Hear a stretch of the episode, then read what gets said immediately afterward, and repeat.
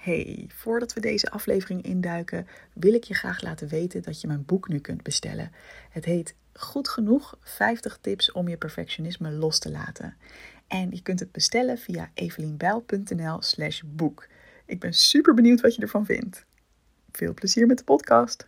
Het is weer eigenlijk een hele perfectionistische mindset. Weer heel zwart-wit gedacht van ofwel ik eh, vind iemand leuk en die ander vindt mij ook leuk en dan is het de moeite waard.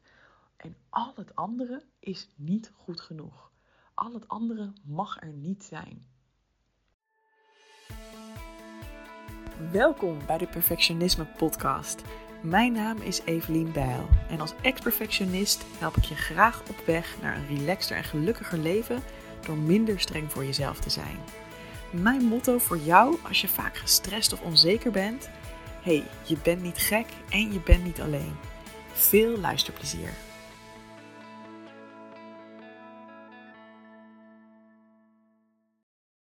Hey, superleuk dat je weer luistert naar een nieuwe aflevering van de Perfectionisme Podcast. En als je denkt, Evelien, wat klink je vandaag zwoel? dan is dat waarschijnlijk omdat het en half acht ochtends is op een zondag. En omdat ik, ehm, nou, ik ben wel hersteld van corona. Ik heb het nu twee weken geleden gekregen. Maar ik heb nog steeds een klein beetje verkoudheid. Dus daarom uh, hoor je mij nog zo ontzettend sexy. En over sexyheid gesproken, laten we het vandaag eens hebben over daten. Mooi bruggetje. Ik heb um, flink wat afgedate in mijn leven en uh, sowieso uh, de laatste maanden um, was ik natuurlijk vrijgezel. Nou ja, ik zeg natuurlijk, misschien weet je dat helemaal niet. Um, ik heb een lange relatie gehad van zes jaar en die is in augustus 2021 uitgegaan. En daarna ben ik een paar maanden in Berlijn gaan wonen. En daar heb ik goed gedate. en wat me daarbij opviel, is dat ik daar zelf best wel een relaxte en leuke houding in heb. Um, ook overigens heus niet altijd hoor. Want uh, als ik al wat verder kwam in een potentiële relatie, dan uh, kwamen er heus wel onzekerheden kijken. Maar gewoon het eerste stukje van überhaupt lekker gaan daten, de Bumble-app aanzwengelen en, uh, en ervoor gaan. En gewoon plezier hebben met nieuwe mensen dat kan ik inmiddels best wel goed. En het viel me ook op dat als ik andere single mensen sprak, dat er dan uh, heel veel druk daar ook al, op lag, op dat eerste stuk. En dat ik ook echt een houding zag waarvan ik dacht, ach lieverd, ja, daar help je jezelf ook niet mee verder. Dus ik heb gewoon zin om mijn beste date tips met jou te delen. Um, en nummer één is eigenlijk, hoe praat je over online daten? Ik heb zoveel mensen gehoord die, um, die dan zeggen van ja, online dating, it's just, uh, het niveau is daar gewoon echt heel slecht. Of ja, uiteindelijk zitten er toch alleen maar losers of uh, weet je wel, ja, slechte mensen. Oh ja, via online daten kun je nooit een partner vinden. Zoveel mensen hebben er een oordeel over. Hè? Over Tinder, over Bumble, over überhaupt online daten. Van, er zit nog steeds een soort van taboe aan vast. Alsof het toch een beetje een tweede rangs manier is om mensen te leren kennen. Um, en dat het toch beter zou zijn, kwalitatief gezien, als je iemand leert kennen in het echt. En ik ben het daar gewoon structureel mee oneens.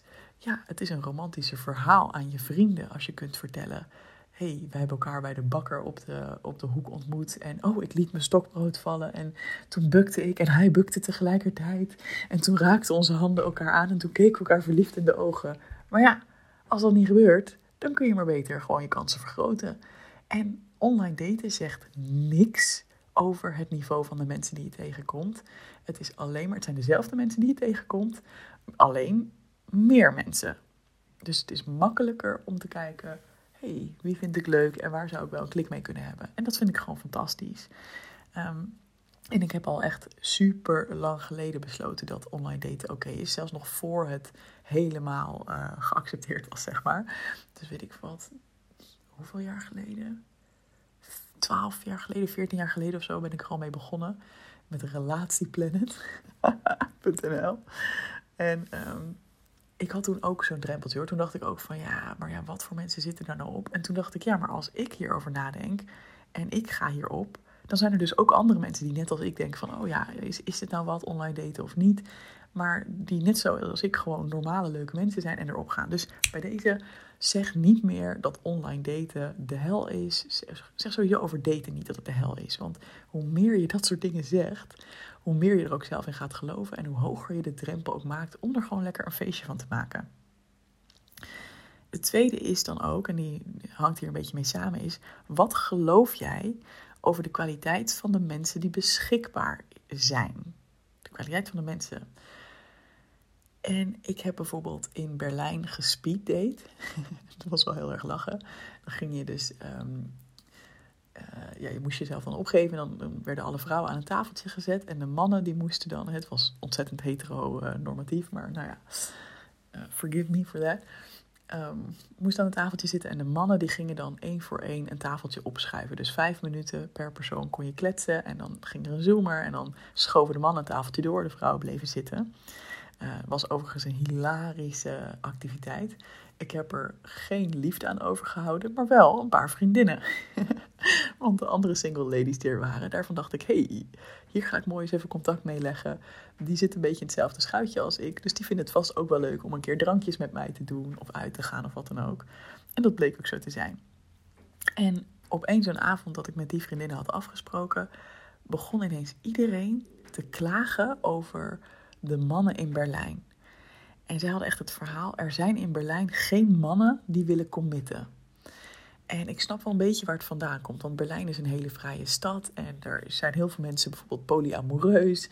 Dus dan kom je ook heel veel mensen tegen in de online datewereld die al een relatie hebben. Maar daarnaast nog op zoek zijn naar gewoon avonturen of ervaringen. Of nog een relatie erbij. Weet je, het is allemaal heel erg vrijheid, blijheid. Dus ik begrijp wel dat er een beeld is bij mensen van hier in Berlijn is het heel moeilijk om commitment te vinden, om echt liefde te vinden. En toch, ik dacht meteen, als dat ook weer het verhaal is dat je jezelf vertelt, met wat voor energie ga jij dan ook elke date in? Uh, nog even los van de vraag waar ben je zelf naar op zoek. Maar dit waren dus vrouwen die op zoek waren naar een committed relatie, vaste relatie. Um, en die dus niet per se van al die open praktijken waren. En ik vond het wel grappig, want ik was zelf in die tijd nog helemaal niet zo heel erg op zoek naar meteen een nieuwe volgende vaste relatie. Maar nou ja, ik vond er een soort van twee tegelijk. ah, met de een is het beter afgelopen dan met de ander, obviously. Maar ehm, ja, ik moet eerlijk zeggen, van alle dates die ik heb gehad, waren er heel veel mensen waarvan ik het gevoel had dat ze wel toe waren aan een committed relatie.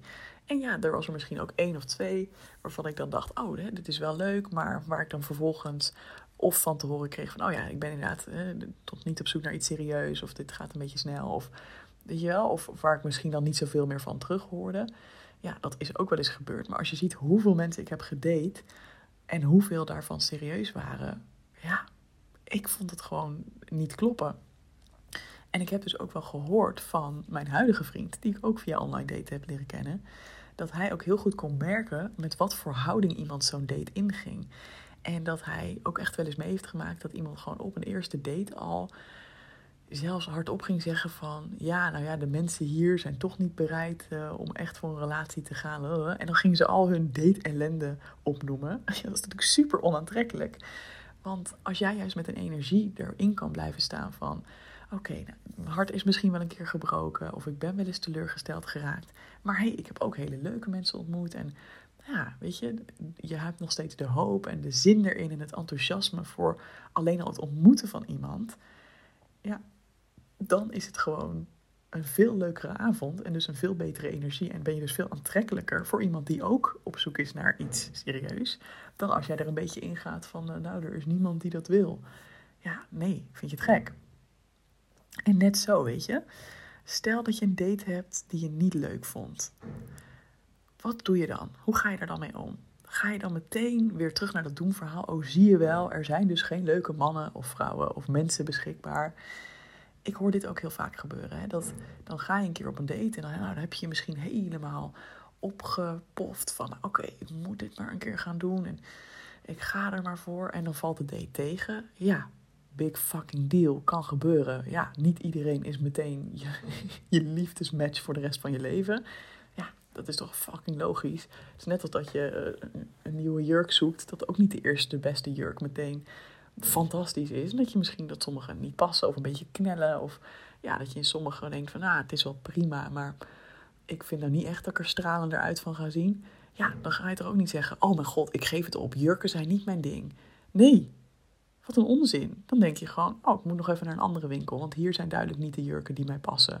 Of die waar ik blij van word. En op een gegeven moment vind je vanzelf een jurk waar je denkt, nou, hartstikke leuk. Uh, ik word er blij van, hij zit goed en uh, ik ga ervan stralen. Dus ga niet in dat doemverhaal geloven. oh, zie je wel, er zijn dus geen leuke mannen of vrouwen. Um, of mensen. ga niet daarin geloven, maar denk gewoon, oké, dit was een date. Het sloot toch minder aan. Ehm, ik ben benieuwd naar de volgende persoon die ik ontmoet. En hou het ook echt gewoon lekker open. Het is niet zo dat jij meteen de liefde van je leven moet ontmoeten. Je gaat gewoon een mens ontmoeten. En wie weet, kun je er een leuke avond van maken of een leuke middag. Um, ook, dat is ook altijd mijn instelling. Ik probeer er sowieso een leuke tijd van te maken. Dus zelfs al heb ik binnen vijf minuten door, dit is niet de liefde voor mij, dit is niet mijn partner, dan nog denk ik, nou, hoe kunnen we deze tijd zo aangenaam mogelijk maken?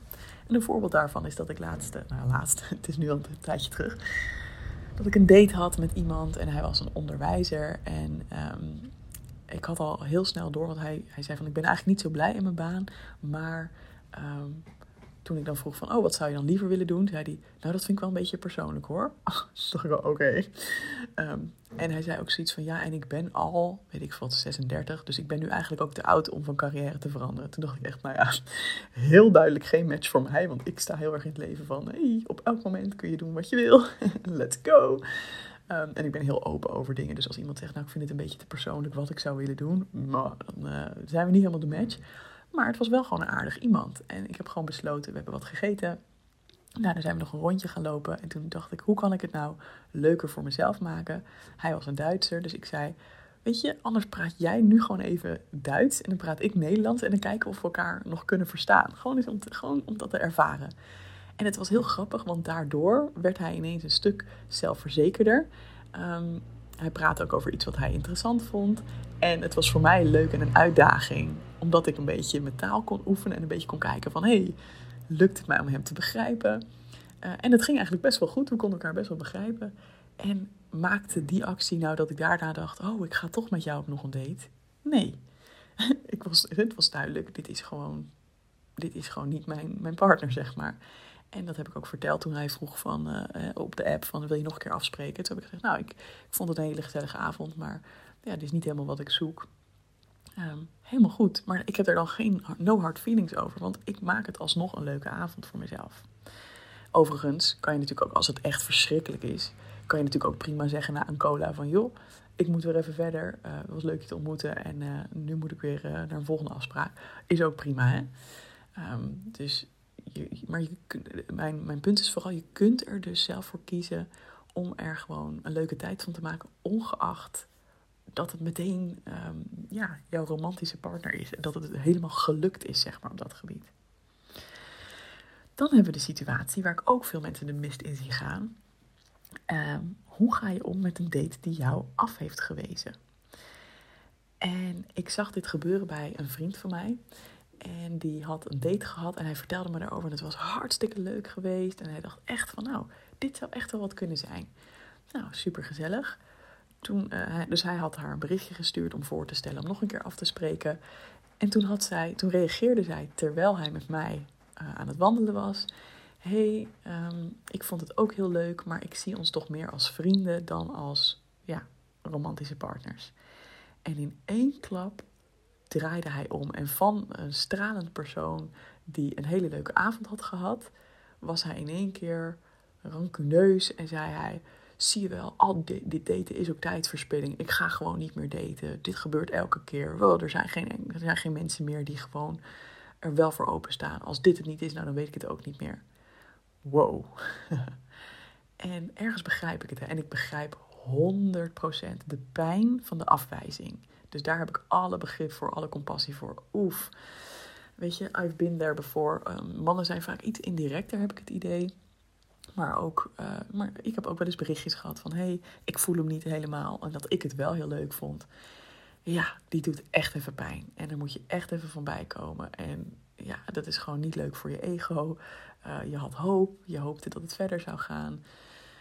En in één klap is al die hoop voorbij. Ja, dat is fucking pijnlijk. Dus ik snap ook, hè, zijn reactie was gewoon een, ehm, ja, een verdediging eigenlijk op die pijn. Maar ja, om het dan in één klap dus maar tijdsverspilling te noemen. En om dan dus maar te zeggen, daten is dus stom. En op deze, het gaat dus nooit werken. Dat is weer eigenlijk een hele perfectionistische mindset. Weer heel zwart-wit gedacht van, ofwel ik eh, vind iemand leuk en die ander vindt mij ook leuk. En dan is het de moeite waard. En al het andere is niet goed genoeg. Al het andere mag er niet zijn. Het moet in één keer zo zijn dat ik iemand ontmoet waar ik helemaal wild van word. En die ander moet ook wild van mij worden. En alles wat daar buiten valt, ja, dat is gewoon niet acceptabel. Ja, newsflash, zo werkt het dus helaas niet. En je kunt het juist zien als een soort van numbers game. Zo kijk ik er echt naar. Van, ehm, je zult gewoon best wel veel mensen moeten ontmoeten en uitproberen op een bepaalde manier. Om erachter te komen, wat vind ik leuk? Wat past er bij mij? Wat vindt die ander leuk? Voor wat voor type mens ben ik ook een geschikte partner? En als die ander voelt, hé, hey, jij bent het niet helemaal voor mij, dan is dat super pijnlijk voor mij en dan moet ik er even voorbij komen. Maar dan zegt dat niet dat er dus geen mensen zijn die mij wel een hele leuke partner vinden. En alleen al het feit dat diegene dat zegt. In mijn geval, ik ben ook afgewezen door iemand. Toen was ik nog wel een beetje meer op zoek naar iets serieus, denk ik. Dus ik heb een soort van fases gehad in mijn single eh, leven van de afgelopen maanden. In eerste instantie dacht ik, ik ga gewoon daten en dan hopelijk weer in een relatie belanden. toen op een gegeven moment dacht ik, fuck die shit, ik ga gewoon helemaal los. En uh, toen heb ik iemand ontmoet en dat is mijn huidige vriend. En dus nu zit ik alsnog in een relatie. um, dus in die beginfase, dit was eigenlijk de eerste persoon die ik serieus, uh, waar ik serieus mee op een date ging. We hadden twee dates gehad, het was echt heel leuk. Dus ik dacht al wel, nou, te gek. Dus ik had ook al wat vragen gesteld over hoe hij de toekomst voor zich zag. Niet per se van, je moet met mij eindigen, maar meer, ja, dat vind ik gewoon interessant en belangrijk om te weten waar iemand gelukkig van wordt. En om ook te kijken van, past dat dan dus bij mij? En na die tweede date had hij mij een berichtje gestuurd van... oh, ik, ik merk echt dat ik het heel leuk zou vinden om nog een keer met je op date te gaan. Maar dat het niet helemaal eerlijk voelt, omdat het voelt dat jij er echt wel serieus in staat. En ik heb daar nu gewoon niet de ruimte voor. Kut, kut dat vond ik echt jammer.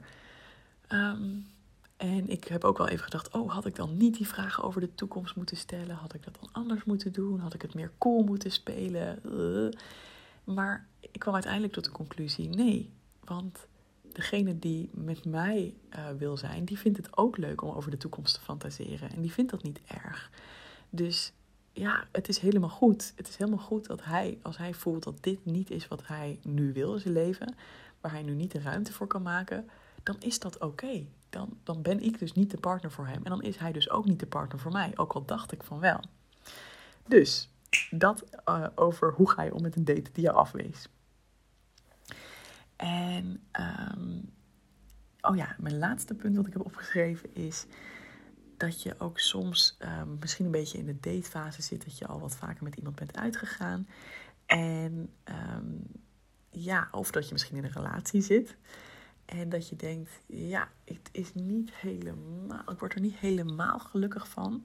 Maar dat je vanuit je omgeving hoort, of ook misschien wel jezelf vertelt van, ja, maar ja, je kan wel nog meer willen, maar ja, waar vind je nou een leuker iemand die nog beter bij je past en die ook precies wil wat jij wil?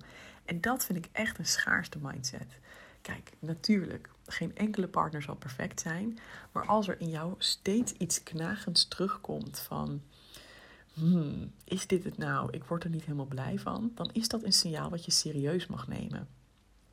En je hoeft niet in iets te blijven hangen omdat je bang bent dat er niks beters daarbuiten is. Weet je, dat is niet de juiste houding.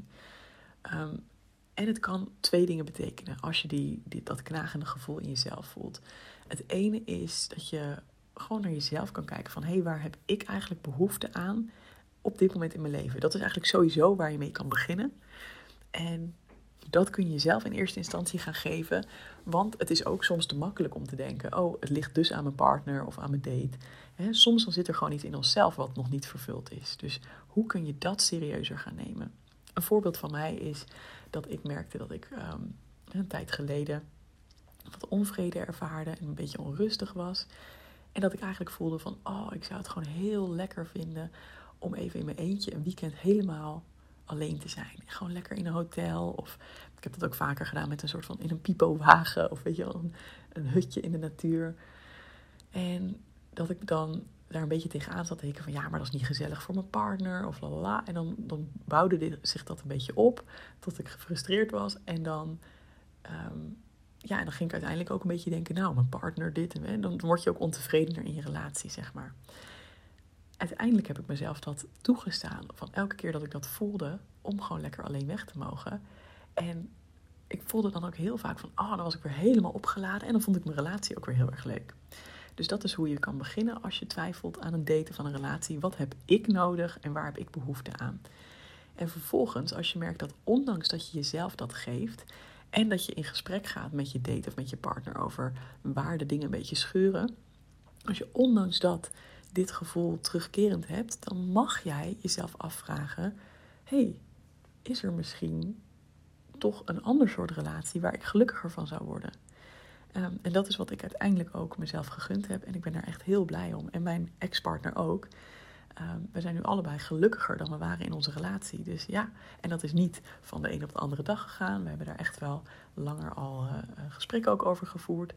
Helemaal geen ruzie, helemaal geen drama, heel liefdevol. We zijn nog steeds hele goede vrienden. Maar ja, dat is toch wel de boodschap waarmee ik deze podcast wil eindigen. Je kunt echt heel gelukkig zijn. en er zijn heel veel leuke mensen op aarde waar jij het leuk mee kan hebben. Dus wees niet bang om nieuwe risico's aan te gaan, om nieuwe ehm, gebieden te ontdekken, om te gaan daten en om te gaan ontdekken hoe dat voor jou voelt. Hey, dit was de podcast van vandaag. Ik hoop dat je er wat uit hebt gehaald. Super leuk als je me dat laat weten. Bijvoorbeeld door een review achter te laten. Dat zou ik echt fantastisch vinden, want dan kunnen andere mensen de podcast ook sneller vinden. Ook heel lief als je de podcast wilt delen met iemand. En uh, dan spreek ik jou volgende week weer. Doei doei! Hey, vond je deze podcast te gek? Check dan zeker even mijn online programma Goed Genoeg, speciaal voor perfectionisten. Want heel eerlijk, in je eentje kun je ook een heel eind komen met het loslaten van je perfectionisme. Maar als je meedoet aan dit programma, heb je alle tools in handen om veel sneller deze ontwikkeling door te maken. Ga naar doelgerichtecoaching.nl slash goed genoeg en wie weet zie ik je binnenkort.